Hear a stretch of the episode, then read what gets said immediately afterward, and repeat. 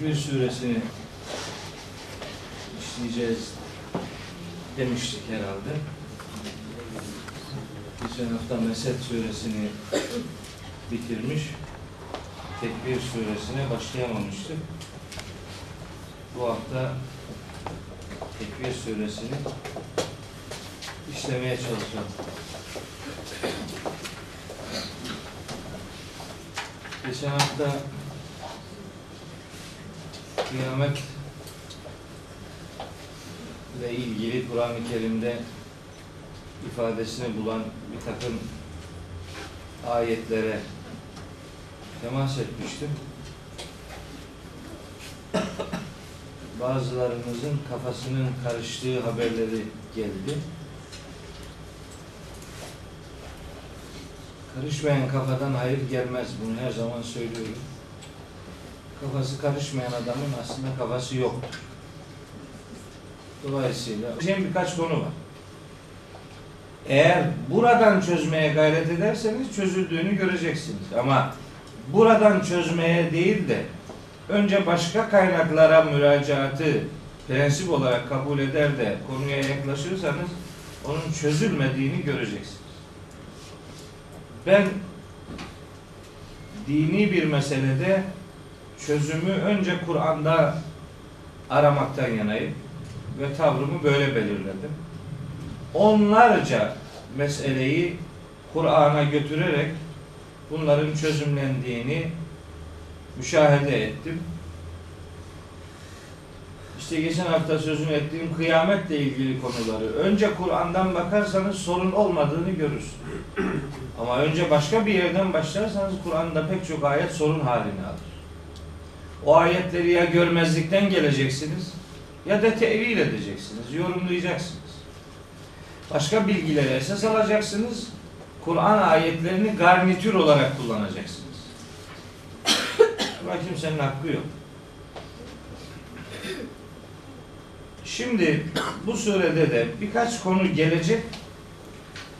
O konuya hazırlık sadedinde bunu söyleme ihtiyacı hissettim.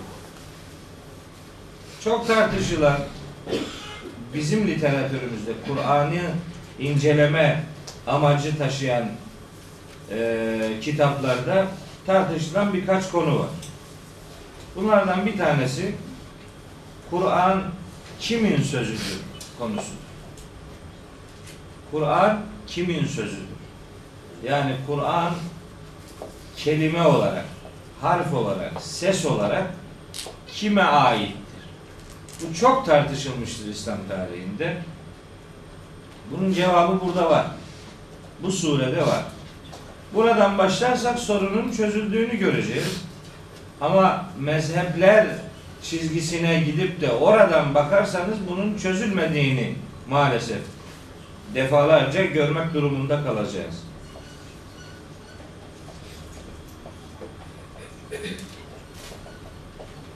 Şu anda cennet ve cehennemin var olup olmadığı konusu çok tartışılan bir konudur. Şu anda cennet ve cehennem var mı?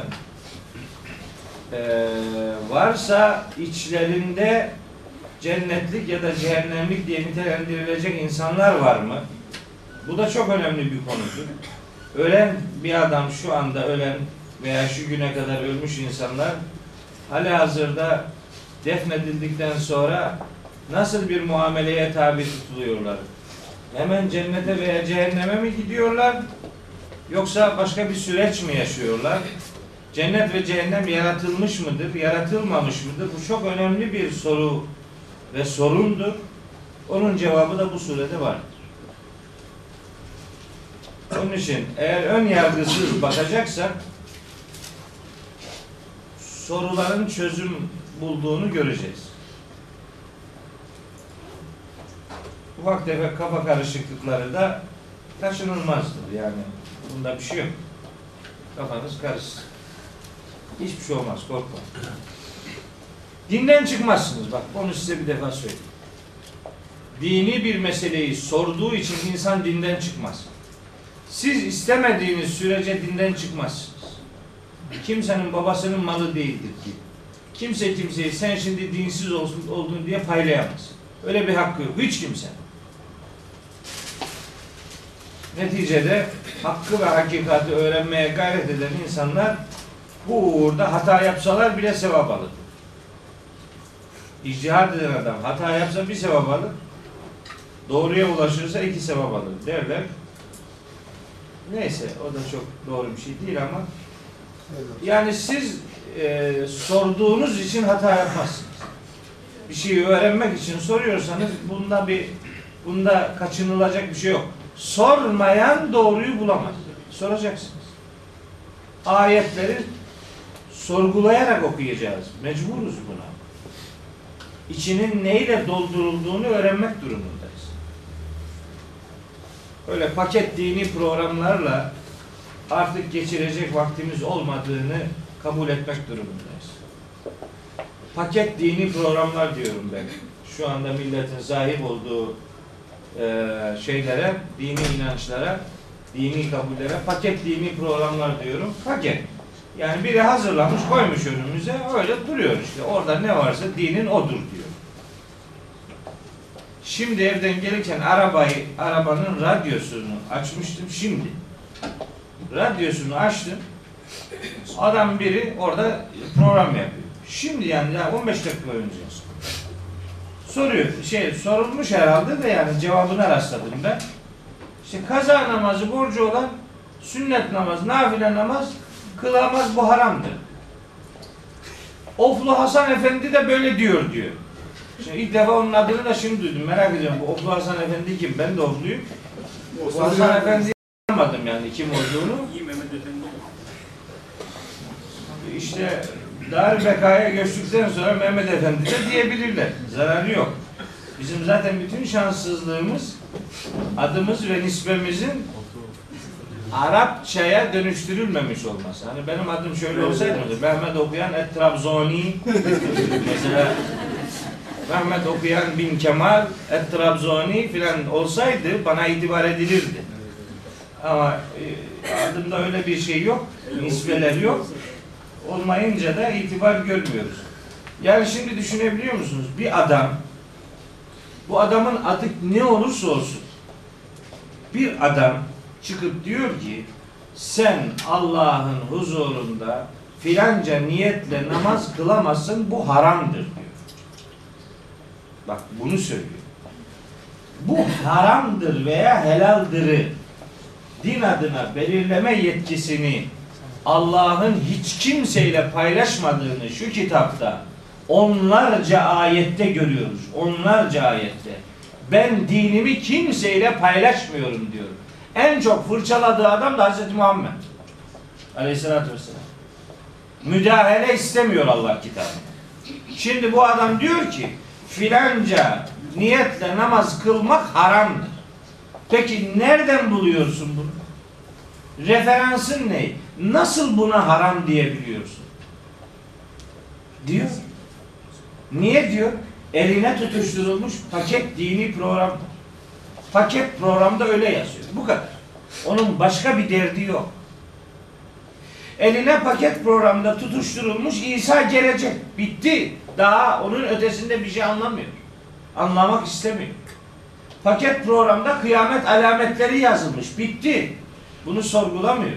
Demiyor ki acaba bu dini bir meseledir. Bu kitabın bu konuda dediği bir şey var mı acaba? Bunu sormuyor. E bu sorulmadığı sürece Hz. Peygamber Aleyhisselam'ın Rozi Mahşer'de şikayetine konu edeceği şu ayet bizimle ilgili de korkarım ki tecelli edecektir. Furkan suresinin 30. ayet. Furkan suresi 30. ayet. Estağfirullah.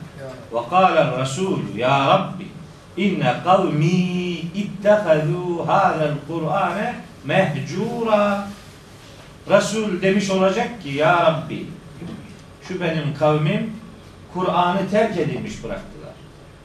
Şu benim kavmim Kur'an'dan hicret etti.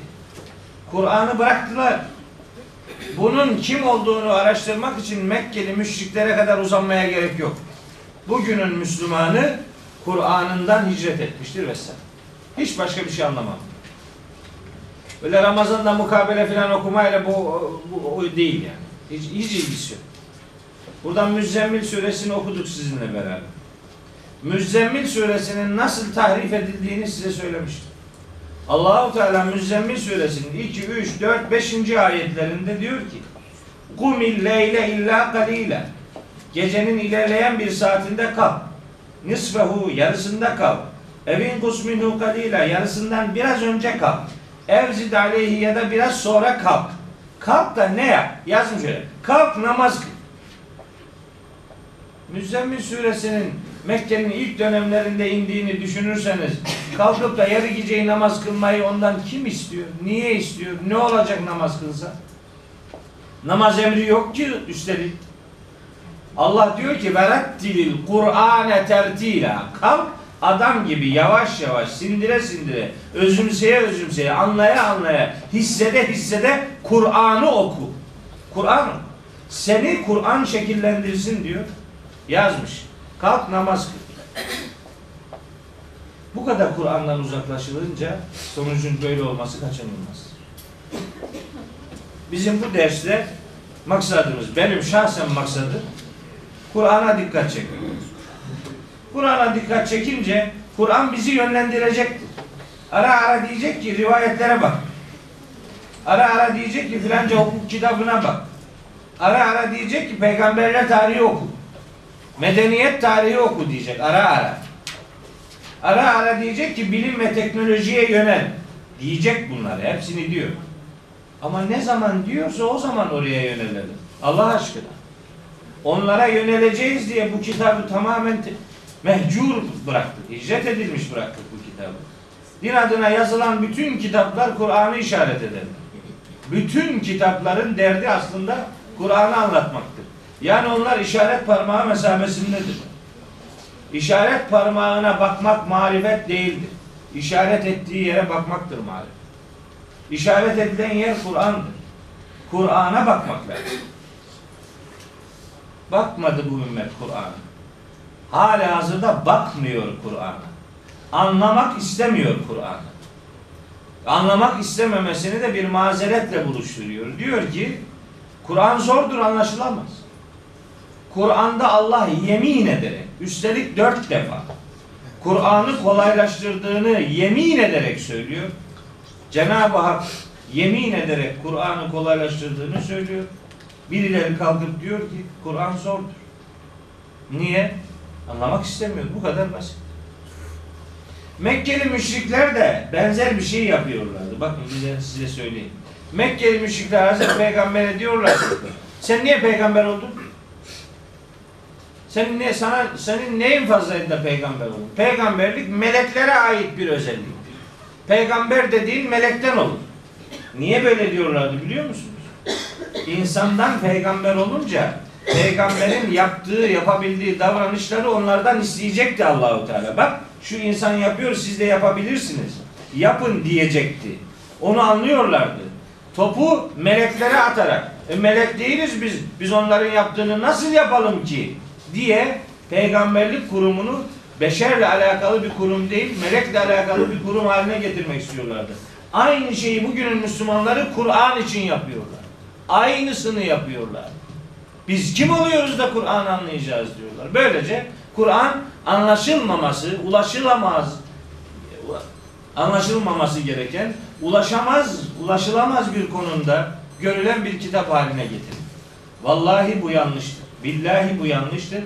Vallahi ve billahi bu mazeret olmayacaktır ruzi mahşer. Bunu mazeret olarak kimse ileri süremeyecek. Bu kitap kolay. وَلَقَدْ يَسَّرْنَا الْقُرْآنَ لِذِّكْرِ فَهَلْ مِنْ مُدَّكِرٍ Dört defa aynısını yemin ediyor. 17, 22, 30, 32, 40. ayetleri. Kamer suresi. Dört defa yemin ediyor. Öyle, öyle şeyler yaptılar ki Kur'an-ı Kerim'in anlaşılmaması için. Kur'an-ı Kerim'de garip kelimeler vardır. Yok Kur'an'da garip kelime kardeşim. Kur'an'da müşkil ayetler vardır. Yoktur müşkil ayet. Kur'an müteşabihtir anlaşılamaz. Hayır müteşabih diye anlaşılamaz diye nitelendirilebilir hiçbir ayet yoktur Kerim'de. Allah bu kitabı labirent olsun diye göndermiş değildir canım bu formülasyonlarla örülmüş bir kitap değil. Bilisanin arabiyyin mübin. Ap açık bir Arapça ile gönderilmiş bir kitap. Anlaşılmasın diye kitap indirilir mi? Anlaşılmaması için bir adam konuşur mu Allah aşkına? Biri anlaşılmamak için konuş. Ben şimdi burada beni anlamayasınız diye konuşur muyum yani? Veya siz sokakta, evde, çarşıda, bayırda anlaşılmayasınız diye ağzınızdan ses çıkartır mısınız? Çıkartmazsınız. Çıkartır mı? Allah bunu anlaşılmasın diye gönderir mi Allah aşkına? Kuluyla alay eder mi? Meydan okuyor, meydan. Meydan okuma ayetleri var Kur'an-ı Kerim'de. Bilirsiniz. Hani bütün Kur'an'ı getirin. Onu da tersine çevirdiler. Bak, o meydan okuma ayetlerini de tersine çevirdiler. Önce yazıyorlar ki, önce bir sure istedi. Sonra on sure istedi meydan okuyarak. Sonra bütünüyle kitabı istedi. Yanlış. Tam tersine. Bir sureyi getiremeyenden on sure istenir mi? Önce kitabın tamamını istedi. 54 sure. İlk şeyde geçiyor. İsra suresinde o zamana kadar 54 sure inmişti. Önce 54 sure istedi. Sonra yapılamadığını ifadeyle 10 sureye indirdi. 10 sureyi de yapamayınca bari bir sure getirin dedi. Onu da yapamadılar. Ama bunu yaparken Cenab-ı Hak demek istiyor ki bak aynı kelimeleri kullanıyorsunuz. Aynı harfleri kullanıyorsunuz. Aynı gramer kurallarıyla konuşuyorsunuz. Hadi bu kitap gibi bir sürecik getirin. Getiremediler. Ama bu söylenemeyen bir kitap olsaydı, ifadelere dökülemeyen bir e, kelam olsaydı, bununla meydan okumanın anlamı olmazdı. Yani hiç hiç olmayacak, aklın kabul edemeyeceği, mümkün sınırların içinde bulunamayacak bir şeyle insanlara meydan okunmaz. Onun anlamı yok. Kur'an-ı Kerim onların konuştuğu, yazdığı, kullandığı e, malzemelerden oluşan bir kitaptı. Cenab-ı Hak bu kitapla onlara meydan okudu. Onlar hiçbir suresini getirmeyi beceremediler. Yani mümkün olan bir şeyle onlara meydan okudu. Bunu bile yapamadı. Şimdi biz Cenab-ı Hakk'ın bu kitabı onlar nasıl benzerini getiremedilerse biz bunu bu defa anlaşılamaz diye aynı duruma düşürdük. Kur'an-ı Kerim anlaşılamaz. Zordur, öyledir, böyledir anlaşılamaz. Anlaşılır. Anlamak isteyen için anlaşılır. Ne diyor? Fe innema yessernâhu bilisanik. Biz onu senin diline kolaylaştırdık ki leallehum yetezekkerûn. Öğüt alırlar, düşünürler diye onu senin diline kolaylaştırdık. Allah'ın kolaylaştırdığı bu kitabı kolay görmek mecburiyetindeyiz. Başka bunun çıkar yolu yok. Evet, işte o kolaylardan biri de Tekvir suresi. Başlı başına kıyametten söz eden eee, 14 ayetle ilk konusu şekillenmiştir. Daha sonra bir takım yemin ifadeleriyle devam ediyor ve en sonunda Kur'an'a dikkat çeken bir mesajla sure sona eriyor. Yavaş yavaş ayetleri sizinle paylaşayım.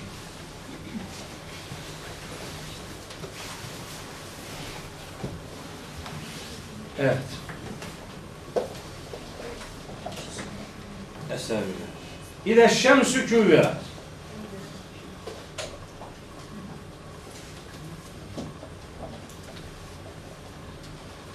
Güneş dürüldüğü zaman veya katlandığı zaman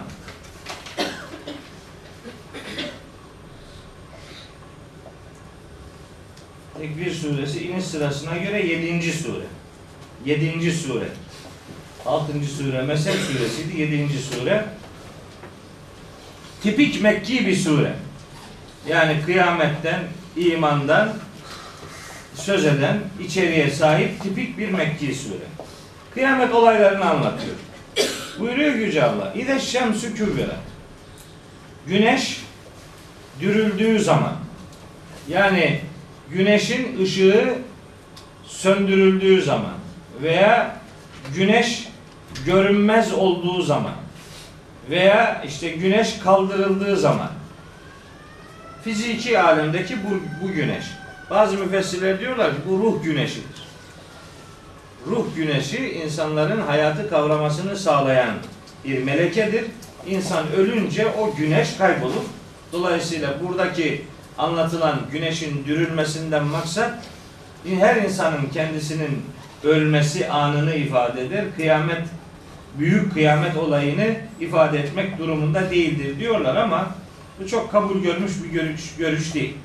Güneş dürüldüğü zaman, katlandığı zaman, görünmez olduğu zaman küvvire kelimesi bakın çok ilginç bir kelimedir. Küvvire kevvere yükevviru kelimesi tekvir e, yani şöyle yuvarlak bir nesneyi nesnenin etrafını sarmak anlamına gelir. Kevvere yükevviru tekvir bir mesela sarığı sarmak mesela kafaya sarık sarmak gibi yuvarlak veya elipse yakın bir nesnenin etrafını çevirmek.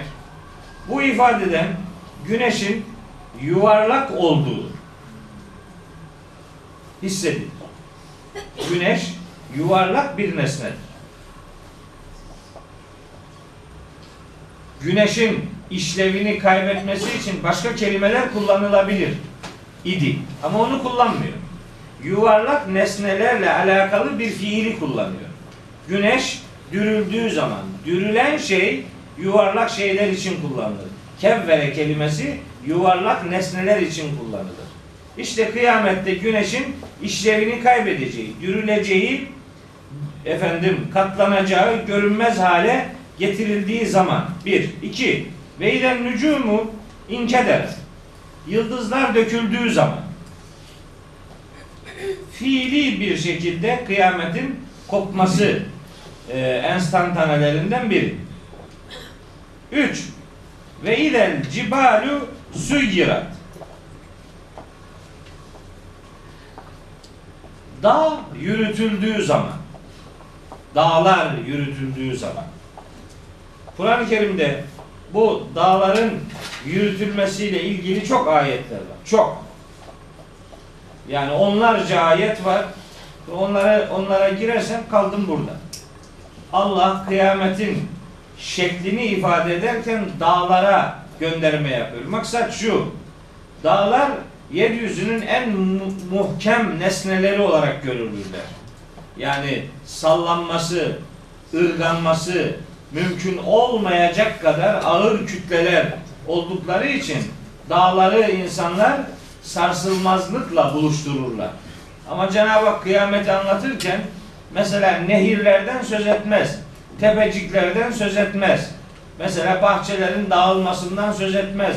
En güçlü görülen nesnelerden yani dağlardan onların yürütülmesinden Kariha suresinde anlatılıyor. Atılmış yün gibi oluşundan söz edilir. Paramparça olmuş kum taneciklerine dönüşünden söz eder. En büyük nesneler dahi varlığını kaybedeceği o gün devam ediyor. Ve izel işaru uttilet. El işar kelimesi e, dişi deve demektir. Hatta 10 aylık hamile deve anlamına gelir. El uşra kelimesi onun çoğuludur bu. El işar 10 aylık gebe develer. Uttilet salı verildiği zaman tatil edil tatil bu, bu kelimeden gelir. Uttile attale tatil etmek salı vermek demektir. 10 aylık gebe develer salı verildiği zaman bu ne demek? Bu niye bunu söylüyor? Bunu şunun için söylüyor. Araplarda 10 aylık hamile develer çok önemli bir mülk vesilesiydiler. Onları koruma altına alırlardı. Onları özel beslerlerdi. Onların mesela doğum yaptığı sayı kadar belli bir sayıya ulaştıktan sonra develerle alakalı değişik kabulleri vardı Arapların.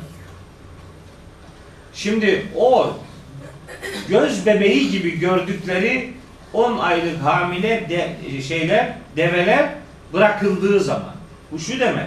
O kadar iş dehşetli ki kimsenin aklına devesi gelmiyor. Öyle bir sıkıntı olacak yani. Öyle büyük bir dert olacak. Geçen hafta okumuştum Zilza, e, e, Hac suresinin ikinci ayetini. Her anne yavrusunu unuttuğu, her hamile çocuğunu düşürdüğü bir dehşet zamanıdır, kıyamet zamanı. İşte ona benzer başka bir ifade. 10 aylık hamile develer salı verildiği zaman ve izel buhuşu huşiret. Ha, şimdi bu çok önemli bir cümle. Ve izel buhuşu huşiret. Bunun anlamı, direkt anlamı şu. Vahşi hayvanlar haşredildiği zaman. Vahşi hayvanlar haşredildiği zaman ne demek? Yazılmış tefsirlerde genel kanaat şu. Vahşi hayvanlarda, bütün hayvanlarda işte ölecekler. Her hayvan haklı, haksızlığa uğratıldıysa hakkını alacak, sonra yeniden toprak olacak. Böyle bir kanaat var. Bir de bir hadis-i şerif var bununla ilgili işte. Boynuzlu koyun boynuzsuzdan hakkını alacak filan. İşin dehşetini ifade eden sözlerdir onlar. Yoksa hayvanların haşredilmesinin çok makul bir izahı hani yapılmış değil. Tefsirlere baktım. Ben bu, bu başka bir anlama da gelmesi lazım. Bu böyle hayvanların haşrolması gibi gelmiyor bana. Birkaç inceledim baktım ki ve idel vuhuşu huşiret kıyametteki bütün vahşi hayvanların toplanıp ölmesi anlamına geliyor. Kıyamet anında o gem vurulamaz, yakalanamaz vahşi hayvanlar toplanıp hepsi ölecek yani. Onlar öldürülemeyen, ulaşılamayan hatta şerrinden korunamayan o hayvanlar bile insanların müdahalesi olmadan hepsi bir araya toplanıp yok edilecekler. Bu anlamada geliyor. Ve idel vuhuşu huşiret başka bir anlama daha geliyor ki bence doğru olan o. İlk ikisi de ilk ikisi de kendine göre doğru olabilir ama üçüncü ihtimal diğer ikisinden daha güçlü. Ve idel vuhuşu huşiret. Vahşi hayvanlar ortalıkta dolaştığı zaman. Yani adam 10 aylık deveyi gözü gibi koruyup onu özel bakımla özel bakımla özenerek yetiştirmeye gayret ettiği her türlü tehlikeden onu uzak tuttuğu o aşamada vahşi hayvanlar ortalıkta cirit atacaklar. Vahşi hayvanların deveyi parçalama tehlikesine rağmen kimse devesinin derdine düşmeyecek. Vahşi hayvanlar ortalığı ortalıkta cirit atacaklar. Devesine adam hakim olmayı dahi düşünemeyecektir. Bu vahşi hayvanların haşrolması dünya ile alakalı, kıyamet olayı ile alakalı bir işlem olarak algılanmak durumunda. Yoksa vahşi hayvanların haşrolmasının gerekçesini çok kolay izah edemeyiz. Mesela şöyle bir ayet var. Oradan da delil getiriyorlar. Şimdi içinizden hatırlayanınız vardır ki bu ayeti ne yapacak bu adam diye.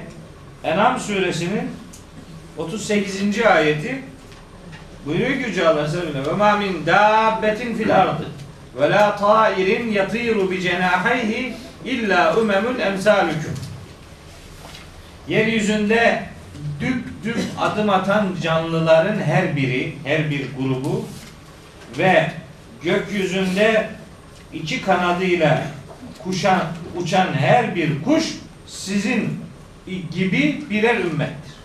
Her bir kuş türü sizin gibi birer ümmettir. Ma ferratna fil kitabi min şeyin. Biz bu kitapta hiçbir şeyi eksik bırakmadık. Sümme ila rabbihim sonra da onlar Rablerine yuhşerune haşrolunacaklardır. Rablerinin huzurunda haşrolunacaklardır. Bu ayetten hareketle hayvanların da mahşerde haşredilecekleri kanaati ortaya konulmuş. Bu En'am 38 ile Tekvir suresinin 5. ayeti hayvanların haşr olmasının mümkünlüğü ya da olacağı ile alakalı bir kanaatin referansları olmuşlar. Ama bu ayeti Rablerine yönelik haşr olunacaklar ifadesini bir önceki 37. ayete hatta 36. ayete götürürseniz bu haşr olma işleminin hayvanlarla ilgili değil de kıyameti inkar eden, ahireti inkar eden Mekkeli müşriklerin ruzi mahşerde ilahi huzura çıkartılacakları bilgisiyle onu buluşturmanın daha doğru olduğunu görürsünüz. Yani ben bir tefsirde okudum. Diyor ki efendim ırmakları olan cennet, ağaçları olan cennet, meyveleri olan cennet, işte ne bileyim gözün görmekten haz duyacağı, ağzın e, tatmaktan lezzet alacağı her nimetin olduğu bir cennet ya da bir ahiret e, ortamında öyle güzelim bahçelerde kuş seslerinin olmaması bir eksikliktir. Dolayısıyla orada kuş sesi de olacaksa kıyamette hayvanlarda haşr, haşr edilecekler demektir diyorlar. Bence Allah orada buradaki kuşlar orada diriltmesine gerek yok. Yani orada yaratır kuş. Yani illa buradan oraya gidince sorumluluk diye bir alem ortaya çıkar. Hayvanlar neyin hesabıyla sorumlu tutulacaklar? Yani bu hem hem diyecek ki Allahu Teala ve sakkara leküm ma fis semavati ve ma fil ardı cemi'an minhu. Göklerde ve yerde ne varsa hepsini sizin hizmetinize sundum. Hatta diyecek ki mesela Yasin suresinde Evelem yarav enna halakna lehum mimma amilet eydina en'amen fehum leha malikun ve dellelnaha lehum fe minha rakubuhum ve minha yekulun ve lehum fiha menafi'u ve meşarib. Yani şimdi bir hayvanın etini yiyince o ne diyecek bana? Diyecek niye yedim beni? E, niye yemeyeyim işte? Ayette Allah diyor ki bunu ben senin için yarattım. Bunun bir kısmının etlerinden yersin, bir kısmını binek olarak kullanırsın. Başka içecek menfaatleri vardır bilmem ne. Yani hayvanları da sorumluluk alanına çekmeyi andıracak ifadeler insanların sorumluluktan kurtulamayacakları bilgisini vermeye yönelik olabilir. Bu ayetteki vahşi hayvanların haşredilmesinden maksat da sanıyorum bir önceki ayetle anlam ilişkisine sahiptir. O da 10 aylık hamile develerin ortalıkta bırakıldığı ve vahşi hayvanların cirit attığı bir ortam kıyametin dehşetini ifade için birbiri adına ardına kullanılmıştır diye düşünüyorum. Devam ediyoruz. Ve idel biharu succiret. Denizler kaynatıldığı zaman den, süccira, seccera kaynatmak anlamına geliyor. Kurutmak anlamı da var bunun. Şimdi denizlerin kaynatılması muhtemelen mağmanın harekete geçmesi gibi olabilir. Ama bunun kaynatılmanın ötesinde kaynağının kurutulması kıyamet öyle dehşetli hararetlerin yaşanacağı bir ortamı oluşturacak ki o uçsuz bucaksız denizler bir anda yok olup gidecekler. Yani varlıklarını kaybedecekler. Tıpkı güneşin dürülüp kaybolması gibi deniz de suyunu çekecek. Yani insan hayret içerisinde kalacak. Bu kadar büyük unmanlar nereye yok olup gitti diye. Bu seccere kelimesinin iki manası var. Biri kaynamak manası, biri çekilmek, kaybolmak manası. İkisi de muhtemeldir. Devam ediyor. Yedinci ayet ve ilen nüfusu züvvicet nefisler çiftleştirildiği zaman nüfusu nüfus dediği nefisler züvvicet çiftleştirilmek demek. Bu ne demektir? Bunun da birkaç manası var. Biri insanlar sınıf sınıf olduğu zaman anlamına gelebilir. Yani müminler bir sınıf, kafirler bir sınıf, işte münafıklar bir sınıf. Böyle sınıf sınıf olduğu zaman. Bu anlama gelebilir. Bunun delili var. Nerede var? Bakın onun delili İsra suresinin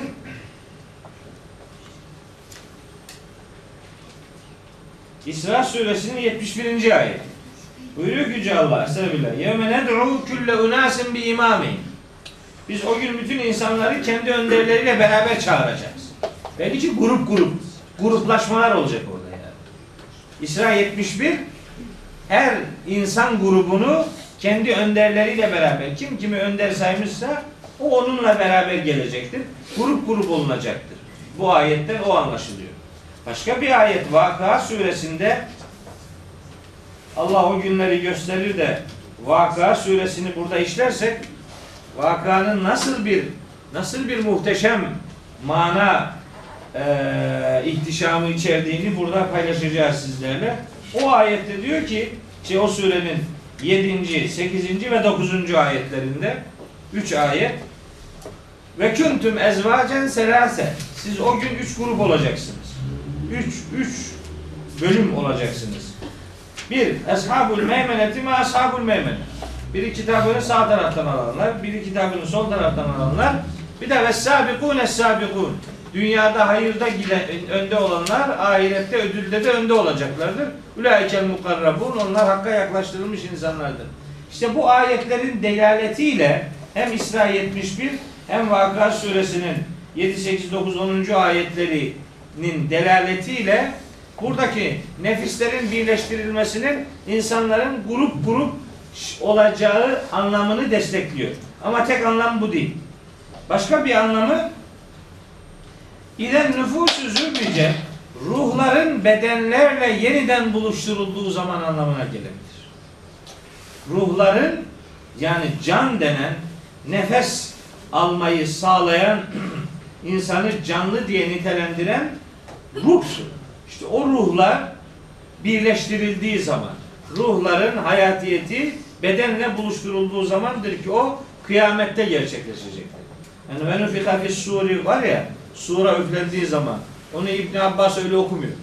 İbn Abbas diyor ki ve nufika suri değil o. Ve nufika suveridir o. Ruhlar suretlere üfürüldü, üfürüldüğü zaman anlamına gelir.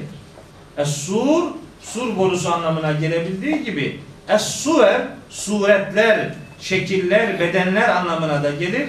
İkinci defa sura üflenmesi ruhların bedenlere üflenmesi demektir. Bu ikinci mana o görüşle uyum halindedir. Üçüncüye göre Veyden nüfusu züvvicet bizim hepimizin erkekler olarak beklediğimiz bir mana işte hurilerle evlenmek yani. Hurilerle evleneceğiz orada inşallah. Hanımlara kuma mı getireceğiz? Evet. Hanımlar da bunu bana soruyorlar biliyor musunuz ciddi ciddi. Vallahi bunu soruyorlar. Hanımlar diyor ki işte orada orada hocam işte erkekler hurilerle evlenecek. Kadınlar ne yapacak? Dedim ben o kolay. Siz yeter ki cennete gidin. Bir şey bulursun. Yani orada Rehman delikanlıları var. Bizim Müslümanlar var. Bizim Müslümanlar Allah bu beyni nereye koydu? Vücudun en tepesine. Değil mi? Niye? Allah bu beyni buralara bir yere de koyabilir. Yani ondan aciz değildi yani. Mesela ayağının altına koyabilirdi beyni. Yani öyle dizayn edebilirdi etmedi. Kafaya koydu. Vücudun en tepesine koydu ki yüksek düşünelim. Adam gibi düşünelim. Büyük düşünelim. Allah'ın vücudun en tepesine yerleştirdiği beyni Müslümanlar ta beden aşağıya düşürdü. Cenneti hurilerle evlenme yeri diye ta- tanımlıyorum. Huri kim? Melek. Melek. Huri melek. Bunda şey yok. Sen şimdi meleklerle ne yapacaksın? Evleneceksin. Allah Allah. Hadi diyelim sen bir şey hak ettin. O neyi kaybetti de neyin karşılığı olarak bu işkenceyi çekecek? Yani orayı belden aşağıya düşünmek çok fevkalade hatalıdır. Gerçekten fevkalade hatalıdır. Orada hurilerle zevvecinahum bi hurin in ifadeleri var. Güzel yüzlü hurilerle onları çiftleştirdik demek. Tek olan birinin güzel insanlarla arkadaş olması demektir. Evlilik anlamında çiftleşmek değil. O bu dünyanın bir gereğidir. Orada neslin üremesi, türemesi, orada bir takım emirler, yasaklar yok orası. Orası bir sonuç. Oranın standartizasyonu var. Buradaki gibi nüfus artışı eksilmesine müsait bir mekan olmayacak orası. Dolayısıyla burada ruhların çiftleştirilmesi anlamını daha çok daha çok ruhların bedenlerle buluşturulması olarak anlamak durumundayız. Bir dördüncü yorum olarak nefislerin çiftleştirilmesini insanların yaptıklarını karşılarında hazır bulması diye tefsir ediyor bazı müfessirler. Yaptıklarını yanında hazır bulması. Yaptıklarıyla buluşturulması yani. Kişi burada ne yaptıysa ruzi mahşerde onunla buluşturulacaktır. Men ya'mel miskale zerretin hayren yerehu gibi yani. Hayır kadar, zerre kadar hayır yapan onu görecektir. Onunla buluşturulacaktır anlamına almak lazım. Öbür türlü izahlar biraz hoş değil. Devam ediyor. 8. ve 9. ayetler. İşte bu Mekke'yi özetleyen ayetler. Ve idel mev'udetü su'ilet. Bi eyyi zembin kutilet. Şimdi size bir teknik, Kur'an'la ilgili bir teknik bilgi vereyim. Kur'an-ı Kerim şu elimizde bulunduğu haliyle işte bu noktaları, harekeleri, şeddeleri, cezimleri, medleri, ayetlerinin durak işaretleri, efendim durakların sonundaki o e, secaventler, ayinler, şunlar bunlar var ya Kur'an metninde. Onların hiçbiri Kur'an'ın indirildiği orijinal halinde yok. Hiçbiri. Bunların Kur'an-ı Kerim'e daha sonra harekeyi daha sonra koydular, harflerin noktalarını daha sonra koydular, metleri daha sonra koydular, kasırları daha sonra koydular, ayet numaralarını daha sonra koydular, secaventleri daha sonra koydular. Dolayısıyla bakın, harflerde harekelerin ve noktaların olmaması bazı kelimelerin farklı okunabilirliği esnekliğini getirmiştir. Şimdi bu, bu ayet onun için çok önemli. Bak.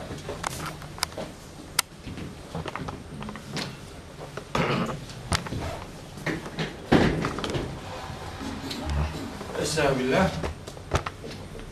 Ve izel mev mev'udetu suilet bi eyyi zembin kutilet. Ve izel mev'udetu suilet. Mev'ude toprağa gömülen küçük çocuk demek kız çocuğu. Toprağa gömülen kız çocuğu mev'ude. Ve izel mev'udetu toprağa gömülen kız çocuk suilet sorulacak kız çocuğuna yani sorulacak. Bir eyyi zembin hangi günahı nedeniyle utile öldürüldü? Bu sorulacak. Şimdi şu hareke yok ya. Şimdi bunu şöyle okumak mümkün. Ve izel mev'udetu se'elet. Diri diri toprağa gömülen kız kendisi soracak. Se'elet. O soracak yani. Bir ey ve idel mev'udetu se'elet. Mev'ude, diri diri gömülen kız kendisi soracak. Bir eyyi zembin. Hangi günahtan dolayı kutiltu, öldürüldüm? Niye öldürüldüm ben? Bunu soracak. Kur'an'ın harekelerinin ve harflerin noktalarının orijinalde bulunmaması ayetlerin farklı okunabilirliği esnekliğini getirmiştir. Ama eğer peygamber bunları farklı okuduysa onlar kabul edilebilir rivayet diye benimsenebilirler. Yani ben şimdi bundan başka bir şey uydurabilirim diyemez kimse. Bunların farklılığa müsaitliği peygamberimizin bu ayetleri farklı okumasıyla alakalıdır. Ve bunu farklı okumuştur peygamberimiz. İbn Abbas mesela bunu öyle okuyor. ve izel mev'udetu se'elet bi ey zembin kutilt. Sordu ki kız çocuğu. Beni ben hangi günahımdan dolayı öldürüldüm? Bu mana kelimelerin yapısıyla ilişkilendirebileceğimiz bir mana. Diğeri ve izel mev'udetü su'ilet bi ey zembin kutilet. Cümleyi edilgen yapar. Yani hangi günahından dolayı öldürüldü diye kız çocuğuna sorulduğu zaman. Birinci manaya göre soru kız çocuğuna soruluyor. İkinci manaya göre soruyu kız çocuğu soruyor ki bence ikinci mana daha doğrudur. Onun sorması daha makul. Onun sorması lazım. Yani zulme o uğradı çünkü. bu tabii bir başlı başına bir derttir bu konu. Yani hangi ne ne anlamda derttir? Arapların kız çocuklara bakışı Kur'an-ı Kerim'in pek çok suresinde pek çok ifade tekniğiyle ele aldığı ve ayıpladığı bir Arap geleneğini işleyen ayetleri vardır Kur'an-ı Kerim. Kız çocuğuna dair, onu hor görmeye dair Arapların bir ahlaksızlığı. Hepsi de öyle değil. Bütün Araplar öyle değildi. Mesela işlerinde Sa'sa'a bin Naile diye biri var. Et-Temimi. Sa'sa'a Et-Temimi diye bilinen bir zat. Bu adam diyor ki ben eee cahiliye döneminde kız çocuğunu öldürmek üzere olan babaların bir rivayete göre 30 tanesinden bir rivayete göre 300 tanesinden fidye karşılığında kız çocuklarını kurtardım diyor. Gelip peygamberimize soruyor ki ben iyi mi yaptım kötü mü yaptım? Peygamberimiz de ona sen zaten, böylece Müslüman olmuş. Cevabını vermiş. Yani Kur'an-ı Kerim'in bu kız çocukları öldürme geleneği, kötü ahlaksızlığıyla ilgili ifadeleri bütün Araplara mal edilmemelidir. Bir kısmı böyle. Hatta o şair Ferezdek var. Arapların meşhur şairi. Onun dedesinin de çok e, böyle çocukları kurtardığına dair bilgiler var. Hepsi hepsi aynı ahlaksızlığın muhatabı değiller. Çocuk kız çocuğu bülü çağına erinceye kadar bir kısmı öldürmezmiş kızını.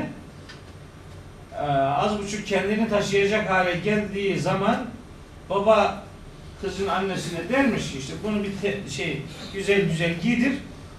Bunu akrabalarına götürüyor götüreyim diye alırmış yanına. Daha önce kazdığı bir kuyunun kenarına getirir. İşte, işte şuraya bak diye aldatırmış. Sonra arkasına tekme vurur. çocuğu o kuyuya atarmış. Bir kısmı böyle yaparmış. Öyle rivayetler. Başka bir rivayete göre de hamile bir bayan doğum yapacağı zaman öyle bir kuyunun başına getirirlermiş onu. Eğer erkek doğurursa çocuğu alır yüne sararlarmış. Eğer kız çocuğu doğurursa öyle onu o kuyunun içine atarlarmış. Atarlarmış. Bir vahşet görüntüsü belli ki yaşanıyordu. Niye böyle yapıyorlar kız çocuklarına? Bunun birkaç gerekçesi var. Biri şu, rızık endişesiyle yapıyorlardı. Kur'an'ın anlattığı odur. Rızık imlak, geçim sıkıntısı demektir. Geçim sıkıntısı nedeniyle çocuklarınızı öldürmeyin diyor. La taktulu evladeküm haşyete imlak. Geçim derdi korkusuyla çocuklarınızı öldürmeyin. Bir sebebi bu. Geçim derdi. Bir sebebi kadınların savaşlarda fiilen yer almaması onları da korunabilirlik noktasında bir yük olarak görme anlayışı. Hem savaşta katkıda bulunamıyor hem bir de onu koruyacaksın. Dert. Onu uğraşacaksın. At. Gömersin olur biter. İkinci şey bu. Gerekçeleri. Üçüncü gerekçeleri bu Araplar aslında namusa çok düşkün insanlar. Bakın gerçekten böyle. Yani her millet elbette namusuna çok düşkündür. Bunlarda daha hassas bir duygu var. Kız çocuğumu yarın koruyamam ve bu bir iffetsizlik aleti olabilir korkusuyla bana bir leke getirir korkusuyla kız çocuğunu öldürenler olduğu kaynakların tespiti. Ama hangi gerekçeyle olursa olsun bu bir vahşettir. Peki bu vahşet Araplara ait bir vahşet midir? Hayır. Hiç ilgisi yok. Şu anda dünya üzerinde Anadolu'da, Karadeniz kız çocuklarına uygulanan ayrımcılık Araplarınkinden daha dehşetlidir, daha şiddetlidir. Benim bir kızım var şu an 8 yaşında. Onun dünyaya geleceği hastanede işte duruyordu. Bir oğlum vardı. Bir oğlum daha vardı. İkinci oğlum ölmüştü trafik kazasında. Üçüncü çocuğumuz kız oldu. Hastanede doğum işte oldu. Hemşire çocuğu sardı, sardı getiriyor. Dedim bu okuyan bebek mi dedim. Evet dedi. "E, görebilir miyim çocuğu dedim. Neyi oluyorsun dedi. Babasıyım dedim. İşte baktım. Yani bu çok üzücü bir şey. Gerçekten kahroldu. Kahroldu. Yani 8 senedir öyle bir olay yaşadığım için yani kahroluyor. Hatırladığım her zamanda da böyle. Sormuyorum tabii cinsiyet. Önemli değil. Hemşire diyor bana ki cinsiyetini niye sormuyorsun?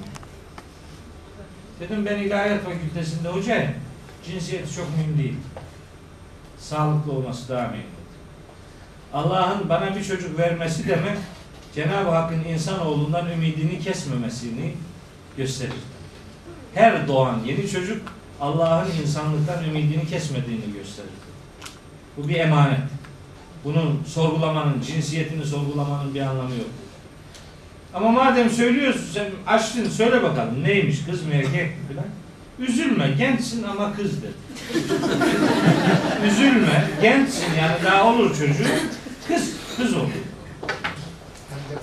Dedim ki sen bak bir hemşiresin. Sen bari bunu demeyesin. Hani bunu bir erkek dese bari. Sen kendi cinsiyetinden utanıyor musun? Bir kız çocuğu dünyaya geldi diye beni niye teselli ediyorsun? Sen benim Allah bana bir kız versin diye ne kadar dua ettiğimi biliyor musun? Aldım çocuğu onun kucağında